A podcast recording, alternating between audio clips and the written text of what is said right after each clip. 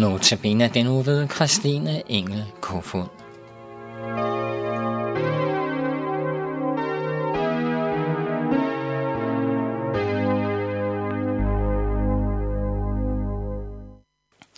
I denne uge fokuserer vi på Guds befalinger og hvilke konsekvenser de har for os.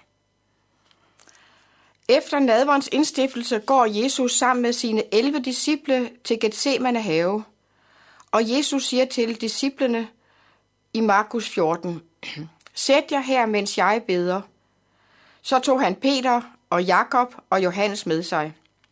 Og han blev grebet af forfærdelse og angst og sagde til dem, Min sjæl er fortvivlet til døden. Bliv her og våg. Og han gik lidt længere væk, kastede sig til jorden og bad om, at den time måtte gå ham forbi, om det var muligt. Han sagde, Abba, far, alt er muligt for dig. Tag dette bære fra mig, dog ikke hvad jeg vil, men hvad du vil. Så kommer han tilbage og finder dem sovende, og han siger til Peter, Simon, sover du? Kunne du ikke våge blot en time? Våg og bed om ikke at falde i fristelse. Ånden er redde, men kødet er skrøbeligt. Adder gik han bort og bad med de samme ord, og Adder fandt han dem sovende, for deres øjne var meget tunge, og de vidste ikke, hvad de skulle sige til ham. Jesus vidste, at han snart skulle bære al vores synd og skyld op på korset, for at vi ikke skulle gå til grunde under satans herredømme. Jesus skulle betale prisen for vores synder, for at vi kunne få barnekår hos Gud. Jesus var grebet af forfærdelse og angst for det, han skulle igennem. Jesus beder sine disciple om at våge sammen med ham, mens han kæmper en svær, svær kamp. Kampen var meget intens, så intens, at Jesus svedte. Lukas beretter om, at sveddråberne ikke bare var vanddråber. Jesus sved blev som bloddråber, der faldt på jorden. Herren hørte Jesu bøn, og han sendte en engel for at styrke ham. Jesus blev ikke fri for at gå igennem lidelsen, men for han fik hjælp fra sin far til at gå igennem lidelsen. Jesus vågede og bad, og han faldt ikke i fristelse. I vers 38 står der, Våg og bed om ikke at falde i fristelse. Ånden er redde, men kødet er skrøbeligt. Peter og de andre disciple vågede ikke, de faldt i søvn. Jesus havde bedt om, at de skulle våge og bede om ikke at falde i fristelse. Peter vågede ikke, som Jesus havde befalet ham, og han faldt i fristelse. Da Jesus blev taget til fange, flygtede disciplene. Inden natten var omme, havde Peter tre gange nægtet, at han kendte Jesus. Ånden er redde, men kødet er skrøbeligt. Peters liv var lagt i ruiner.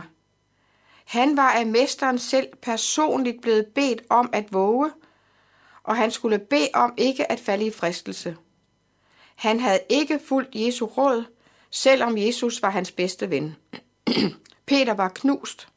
Han bræste i gråd. Han erfarede nu, at i egen kraft var det ikke muligt at holde stand. Jesus vidste, at det var livsnødvendigt for ham at være i inderlig bøn til sin far, hvis han skulle stå fristelsen imod og ikke falde. Det råd gav han videre til sine, til sine disciple og til os. Efter Jesu korsfæstelse holdt Peter sig sammen med disciplene bag lukkede døre af frygt for jøderne. Da Jesus var opstået, fik Peter en særlig hilsen gennem de kvinder, der var ude ved graven. I Markus 16 står der, Vær ikke forfærdede. I søger efter Jesus fra Nazareth, den korsfæstede. Han er opstået, han er ikke her. Se, der er stedet, hvor de lagde ham. Men gå hen og sig til hans disciple og til Peter, at han går i forvejen for jer til Galilea. Der skal I se ham, som han har sagt jer det. I Galilea havde Jesus en samtale med Peter, mens flere disciple hørte på. Tre gange spurgte Jesus Peter, om, om Peter elskede ham. Det var lige så mange gange, som Peter havde fornægtet Jesus. Det var en stor ydmygelse for Peter, men han erfarede, at Jesu kærlighed til ham var ubetinget. Peter erfarede ordene i Esajas 43, Du er dyrebar i mine øjne, højt agtet, og jeg elsker dig. I 1. Peters brev kapitel 5 skriver Peter, Vær overvågne og på vagt. Jeres modstander djævlen går omkring som en brølende løve og leder efter nogen at sluge. Stå ham imod, faste i troen. I ved jo, at de samme lidelser rammer jeres brødre her i verden. Og når I må lide her en kort tid, vil alt noget Gud, som har kaldet jer til sin evige herlighed ved Jesus Kristus, selv udruste, støtte, styrke og grundfæste jer. Magten er hans i al evighed. Hvorfor skal vi være overvågne? Hvorfor skal vi være på vagt? Hvem er fjenden, der leder efter os for at gøre det af med os? Djævlen er som en sulten, brølende løve, der er ude på rov. Han jager sit bøtte. Han sønderriver det og dræber det. Han dræber det, han fanger.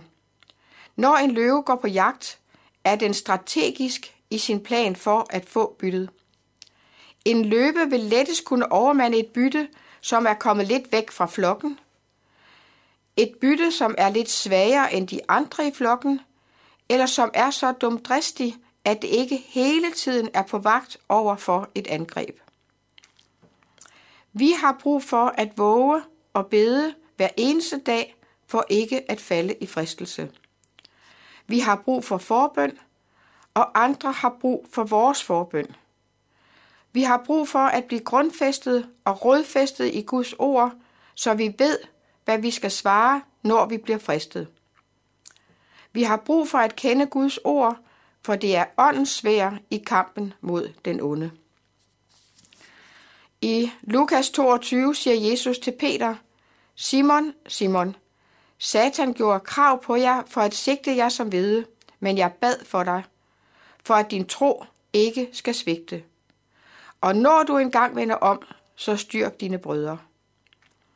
Det er godt at vide, at Jesus går i forbøn for os. I Jakob kapitel 4 står der, I skal altså underordne jer under Guds ord. I skal stå djævlen imod, så vil han flygte fra jer. Hold jer nær til Gud, så vil han holde sig nær til jer. Jeg fik engang dette råd. Når Satan angriber dig og fortæller dig, hvor usel en sønder du er, så skal du sige til ham, Satan, jeg vil gerne invitere dig med på en tur. Vi to skal sammen gå til Golgata. Så kan du se der, hvor usel en person jeg er. Men da flygter Satan, for han vil ikke konfronteres med den sandhed, at Jesus har besejret ham på Golgata.